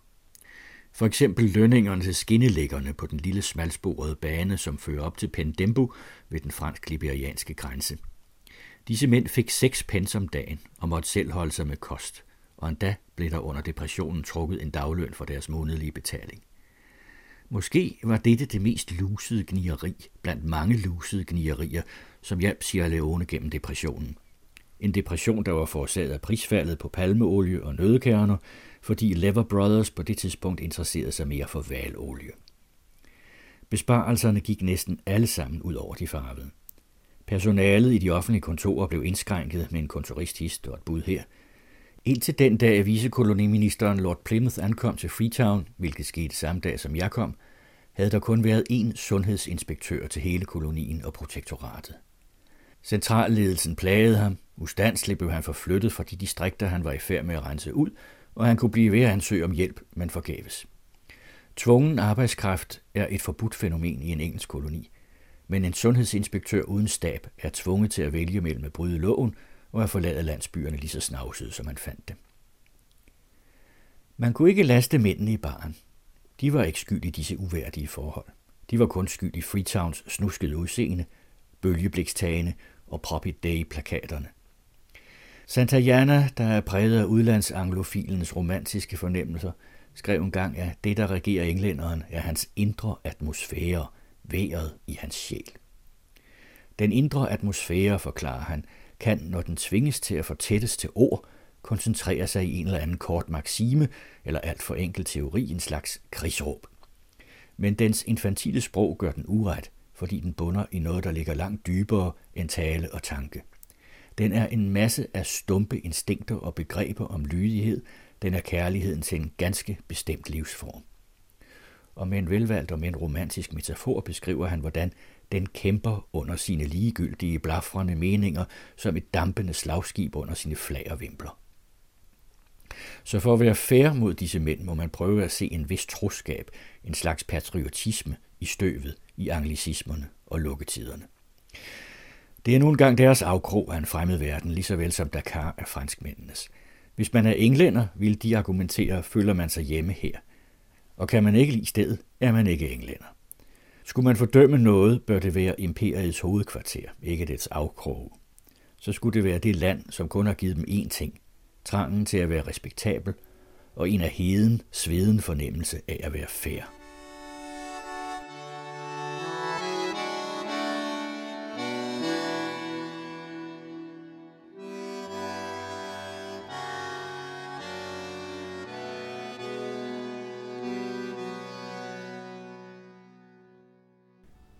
Graham Greens rejse er ikke en fornøjelsesrejse.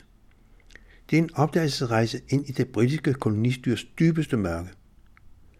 Den type rejser præger i det hele taget hans forfatterskab fra tidlige romaner som Magten og Æren, om den nådesløse opgør med kirken i Mexico efter revolutionen 1910-19, og den grimme amerikaner, om amerikanerne i Vietnam før Vietnamkrigen.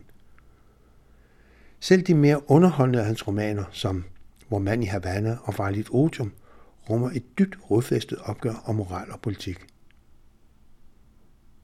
For Graham Greene var rejsen en alvorlig sag, som har med vores eksistens og erkendelsen af os selv at gøre.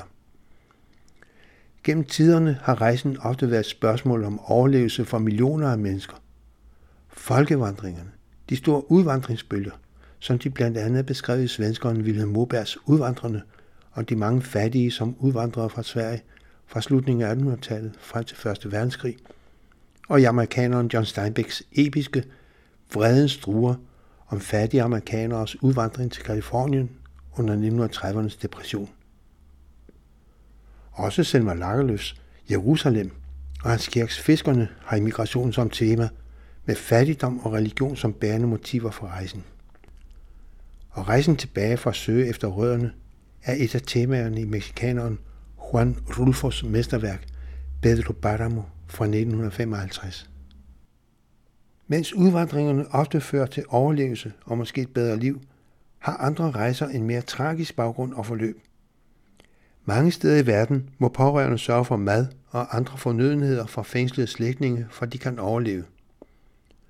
Ofte bliver de besøgende slægtninge chikaneret groft, ydmyget, bestjålet og samtidig mishandlet. I nogle lande, blandt andet Cuba, bliver politiske fanger anbragt i fængsler og lejre langt fra hjemmet, så det er vanskeligere for familien at besøge dem. Sådan var det også i Spanien under det fascistiske Franco-diktatur. Efter borgerkrigens afslutning blev 10.000 af republikanere fængslet og idømt meget hårde straffe for at have forsvaret landets legitime, folkevalgte regering, som fascistiske oprørere havde styrtet, mens verden så på uden at gribe ind. Tusindvis af slægtninge begav sig ud på de spanske landeveje for at besøge deres fængslede mænd, fædre, sønner, brødre. Den spansk-franske forfatter Agustin Gomes Argos har beskrevet en af disse mange skæbner i sin roman Mandelbrødet. Anna Baucha er fiskerenke fra den andalusiske kyst. Under borgerkrigen mistede hun sin mand og to ældste sønner. Den yngste søn sidder fængslet i Nordspanien som kommunist. Da hun bliver 75, beslutter Anna Boucher sig for at besøge ham. Hun bærer et mandelbrød til ham. Det er hans yndlingsspise. Hun efterlader huset skinnende rent og begiver sig til fods til Nordspanien gennem det undertrykte land, hvor hun møder fattigdom, kriminalitet, undertrykkelse og solidaritet. Hun lærer at læse og skrive af en gammel blind sanger og opdager alt det, hun har gået glip af. Rejsen er hård og lang. Den slider på alle måder på hende.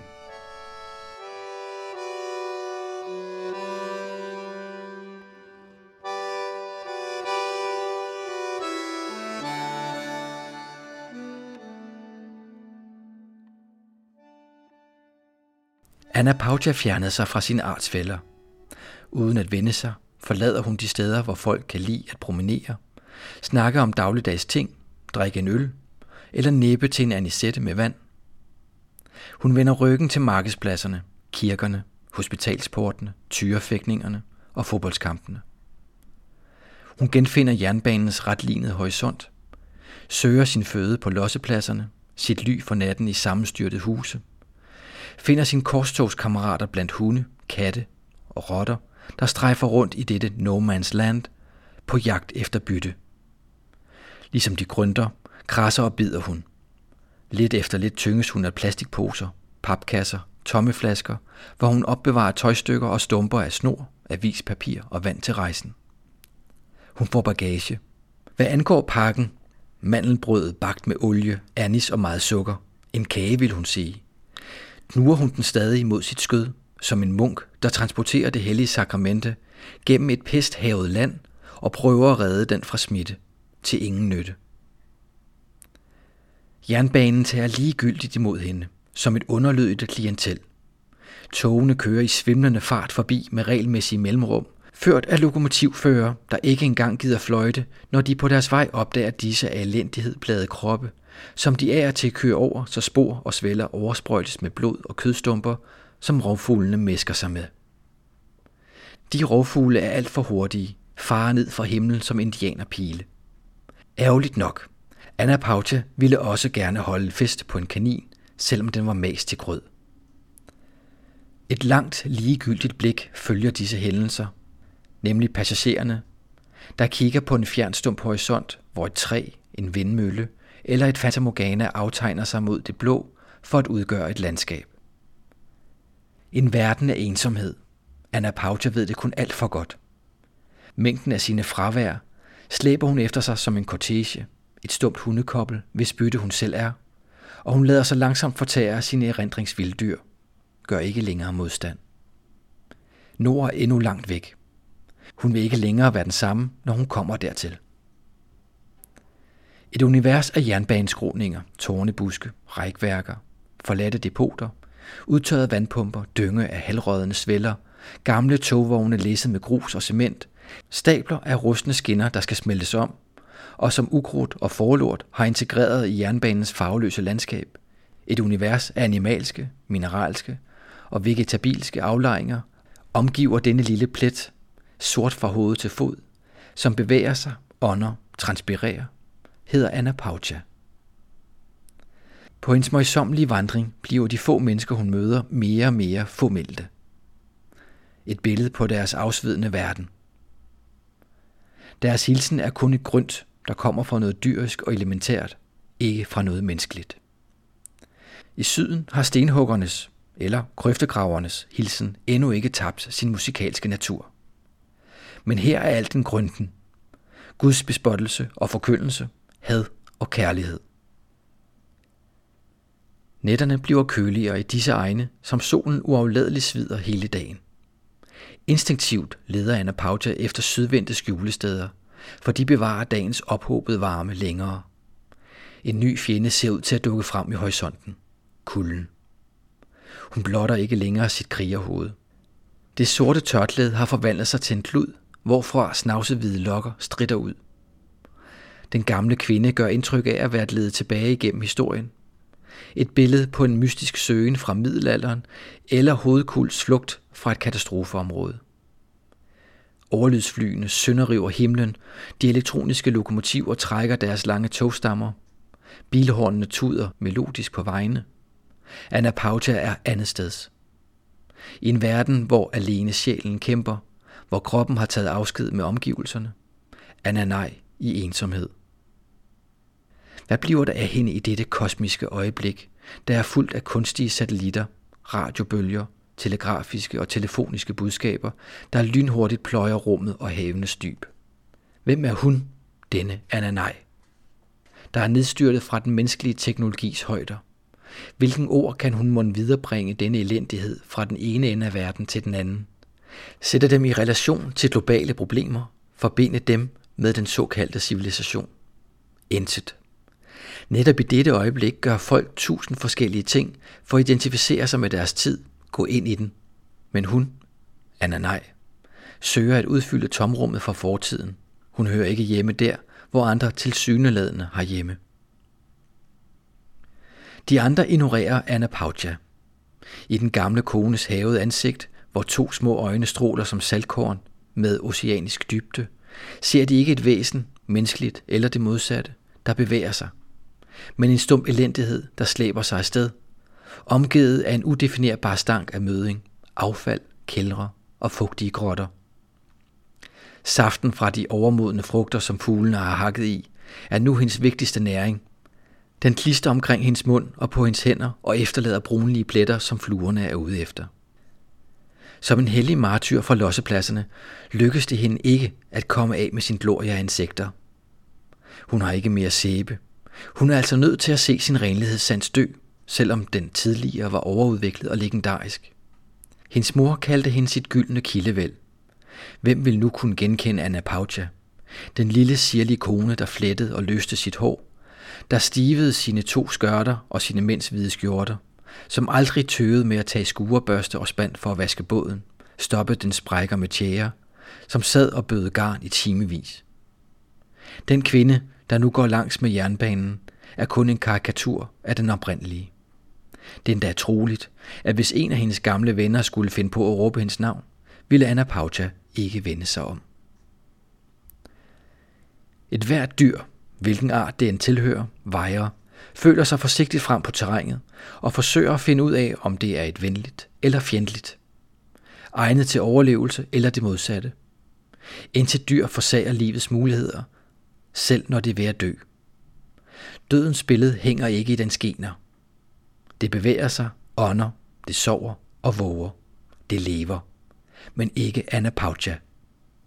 I modsætning til sit tidligere liv som analfabetisk kvinde, hvis søvn rummede utydelige drømme, og hvis opvågen ikke efterlod nogen erindring om dem, så opfører hun sig nu, som om hun led af en udslukkelig tørst efter døden, som om hun led under livets langvarighed.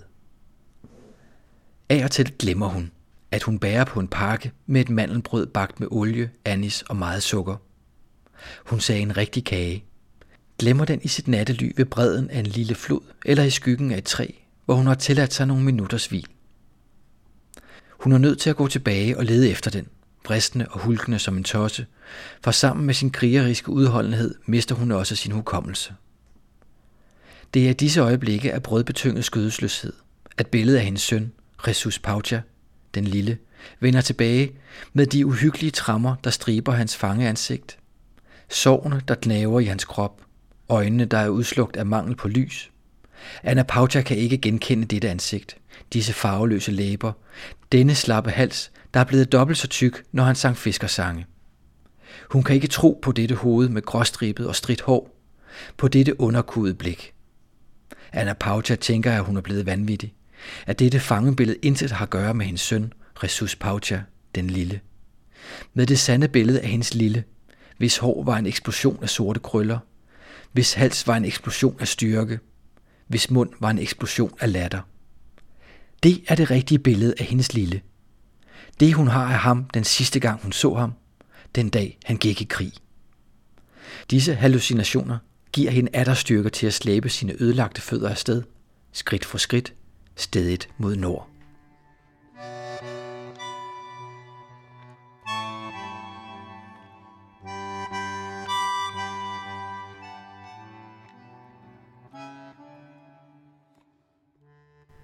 Mens fortællingen om Anna er en historie om en rejse ind i håbløshed og udsigtsløshed i et land, som i mange år reelt var en stor fangelejr, er italieneren Primo Levis beretning om sin lange rejse tilbage til de levende verden efter næsten et år i Auschwitz, trods dens rystende baggrund, en af de smukkeste rejseberetninger i litteraturen.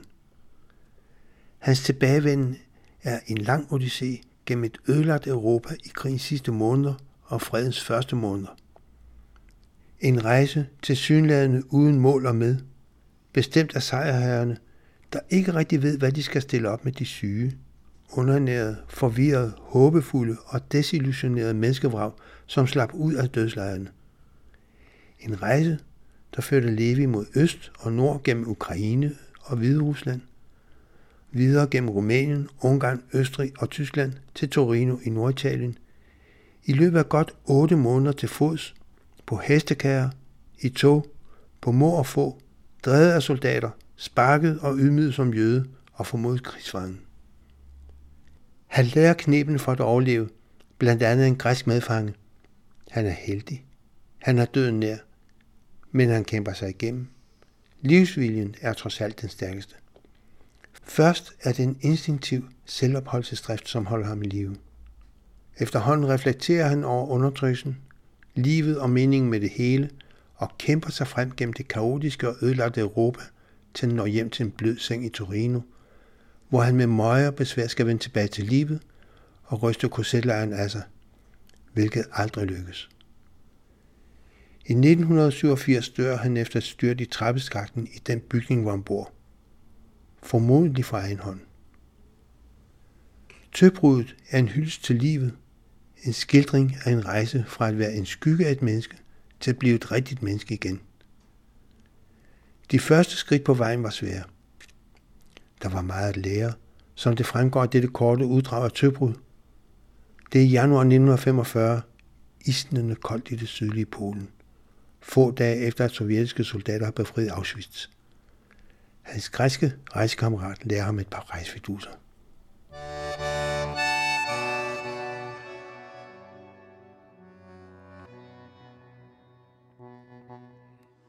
På hans udtrykkelige anmodning tog jeg den berømte byld på ryggen. Det er dit skidt, havde jeg forgæves forsøgt at protestere. Netop derfor, jeg organiserede det, og du bærer det. Sådan er arbejdsfordelingen. Senere kommer det også dig til gode. Så vi vandrede afsted, han først og jeg bagefter. Og på en bivejs hård sne, solen var gået ned. Jeg har allerede talt om grækernes sko. Jeg var selv iført et par ejendommelige fodvarmere, som kun præster gik med i Italien. Af blødt læder, der nåede op over anklen, uden snøre, men med to store spænder, og i siden to elastikbånd, som skulle sikre, at de sluttede tæt til foden. Derudover var jeg iført fire par bukser, det ene oven på det andet, af en slags lærred hæftlingerne brugte. En bomuldstrøje, en stribet fangejakke, og det var alt. Min bagage bestod af et tæppe og en papkasse, hvor jeg plejede at gemme lidt brød, men som nu var tom. Alt sammen noget, grækeren betragtede med utilsløret foragt og irritation. Vi havde taget grusom fejl af afstanden til Krakow. Vi havde mindst 7 km for os. Efter 20 minutters gang var mine sko slidt ned. Sålen på den ene var faldet af, og den anden var ved at gå op i syningen. Og indtil da havde grækeren været ildevarslende tavs. Da han så mig stille bylden og sætte mig ned ved vejkanten for at se nærmere på katastrofen, spurgte han. Hvor gammel er du? 25, svarede jeg. Hvad laver du? Jeg er kemiker. Og et fjols, sagde han roligt. Den, der ingen sko har, er et fjols. Han var en stor græker. Få gange i mit liv, før og efter, har jeg følt mig så tynget af så konkret en visdom. Der var ikke meget at svare. Udsagnets gyldighed var selvindlysende. De to lasede klude på mine fødder, og de to skinnende vidunder på hans. Det var umuligt at retfærdiggøre sig. Jeg var ikke længere slave, men kort efter mine første skridt på frihedens vej, sad jeg nu der i vejkanten og holdt om mine fødder, klodset og brugelig, som det nedbrudte lokomotiv, vi lige havde forladt. Havde jeg overhovedet fortjent min frihed? Grækeren synes at være i tvivl. Men jeg havde skarlandsfeber. Jeg var meget syg og lå på infirmeriet. Skolaget var for langt væk, og det var forbudt at komme i nærheden af det. Og i øvrigt sagde de, at det var blevet plyndret af polakkerne. Og var jeg ikke i min gode ret til at tro, russerne ville have sørget for den slags? Ord, sagde grækeren. Ord, som alle kan sige. Jeg havde 40 i feber og anede ikke, om det var nat eller dag. Men én ting vidste jeg, at jeg havde brug for sko og andre ting.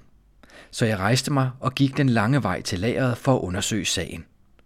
En russer med maskinpistol stod foran døren, men jeg ville have skoene. Så jeg gik om bagved, brød et lille vindue op og kom ind. Sådan fik jeg mine sko og sækken med, og alt, hvad der er i sækken. Og det skal nok vise sig nyttigt sidenhen. Det er fremsynlighed. Hvad du gjorde, er dumhed. Det er det samme som ikke at se virkeligheden i øjnene. Nu er det dig, der siger ord, sagde jeg. Jeg begik en fejl, men nu er problemet, hvordan vi når til Krakow, før natten falder på, med eller uden sko. Og mens jeg talte, fumlede jeg rundt med følelsesløse fingre, og ved hjælp af stoltrødstumper, jeg fandt på vejen, prøvede jeg at binde sålerne fast til overlader, så godt jeg kunne. Hold op, det nytter ingenting. Han gav mig to stykker robust klæde, som han halede ud af sin bylt, og viste mig, hvordan man binder skoene og fødderne sammen til en fast pakke, så jeg kunne humpe videre. Vi fortsatte i tavshed. Krakows forsteder var anonyme og triste. Vejene totalt øde, butikkerne tomme, alle døre og vinduer forsynet med trammer eller slået ind. Vi nåede en sporvogns endestation. Jeg tøvede, fordi vi ingen penge havde til at betale billetten, men grækeren sagde, stig op, så får vi se. Sporvognen var tom. Efter et kvarter kom føreren, men ikke konduktøren, af hvilken vi ser, grækeren endnu engang havde ret, og som vi siden skal se, at han havde ret i alle de efterfølgende episoder, undtagen en. Vi kørte, og under turen opdagede vi til vores glæde, at en af de passagerer, som steg på undervejs, var franskmand. Han forklarede os, at han boede i et gammelt kloster, som vores sporvogn snart ville komme forbi. Ved næste stoppested ville vi finde en kaserne, som russerne havde beslaglagt, og som var fuld af italienske soldater. Mit hjerte bankede. Havde jeg fundet et hjem? Men alt gik ikke så glat da. Først bad den polske kasernevagt os stust om at forsvinde. Hvorhen? Hvad kommer det mig ved? Væk herfra. Gå et andet sted hen. Efter lang tids insisteren og mange bønder, fik vi ham om sider overtalt til at hente en italiensk sergeant, som tydeligvis var den, der bestemte, om nye gæster kunne få adgang. Det var ikke nemt, forklarede han. Barakkerne var allerede overfyldte og madrationerne begrænsede. Italiener vejer, det måtte han indrømme, men jeg var ikke soldat. Hvad min kammerat angik, så var han græker, og det var ganske umuligt at sætte ham sammen med tidligere soldater fra Grækenland og Albanien. Det ville kun resultere i uro og slåskampe. Jeg plæderede så veltalende jeg kunne og med ægte tårer i øjnene. Jeg garanterer, at vi kun vil blive en nat. Og tænkte ved mig selv, når vi først er inde, at grækeren talte glimrende italiensk og under alle omstændigheder ville åbne munden så lidt som muligt.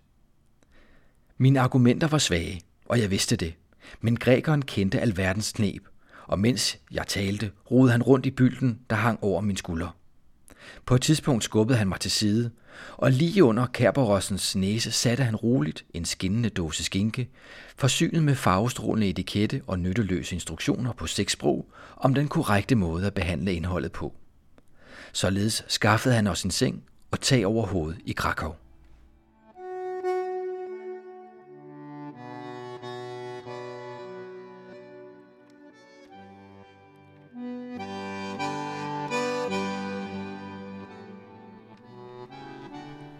Vi er altid på rejse.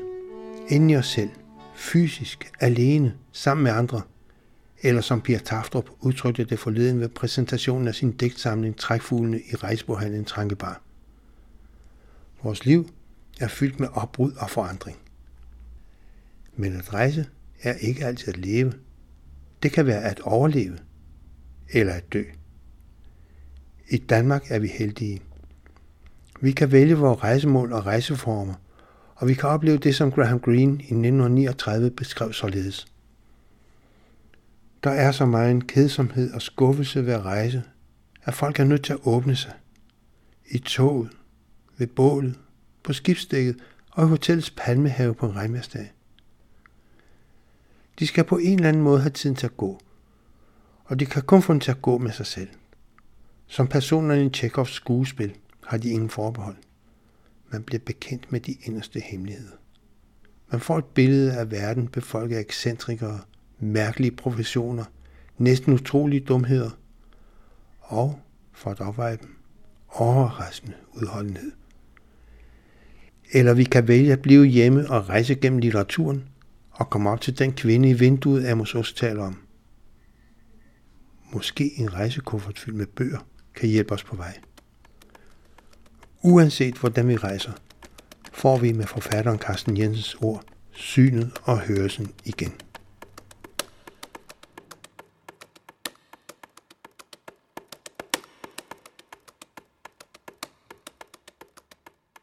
Rejsen er forbi for denne gang. Det var Thomas Hansen, der læste uddrag fra Tøbrudet af Primo Levi, Mandelbrødet af Agustin Gomes Arkos og Kunsten at rejse af Lande Botten. Det var Carsten Farve, der læste uddrag fra Finn Skorteruds Andre rejser, Graham Greens Rejse uden pas, H.C. Andersens En digters bazar og Agnete Læsøs Harms besøg fra antologien Orientalske rejser. Og Finn Storgård læste Johannes V. Jensens digt Memphis Station.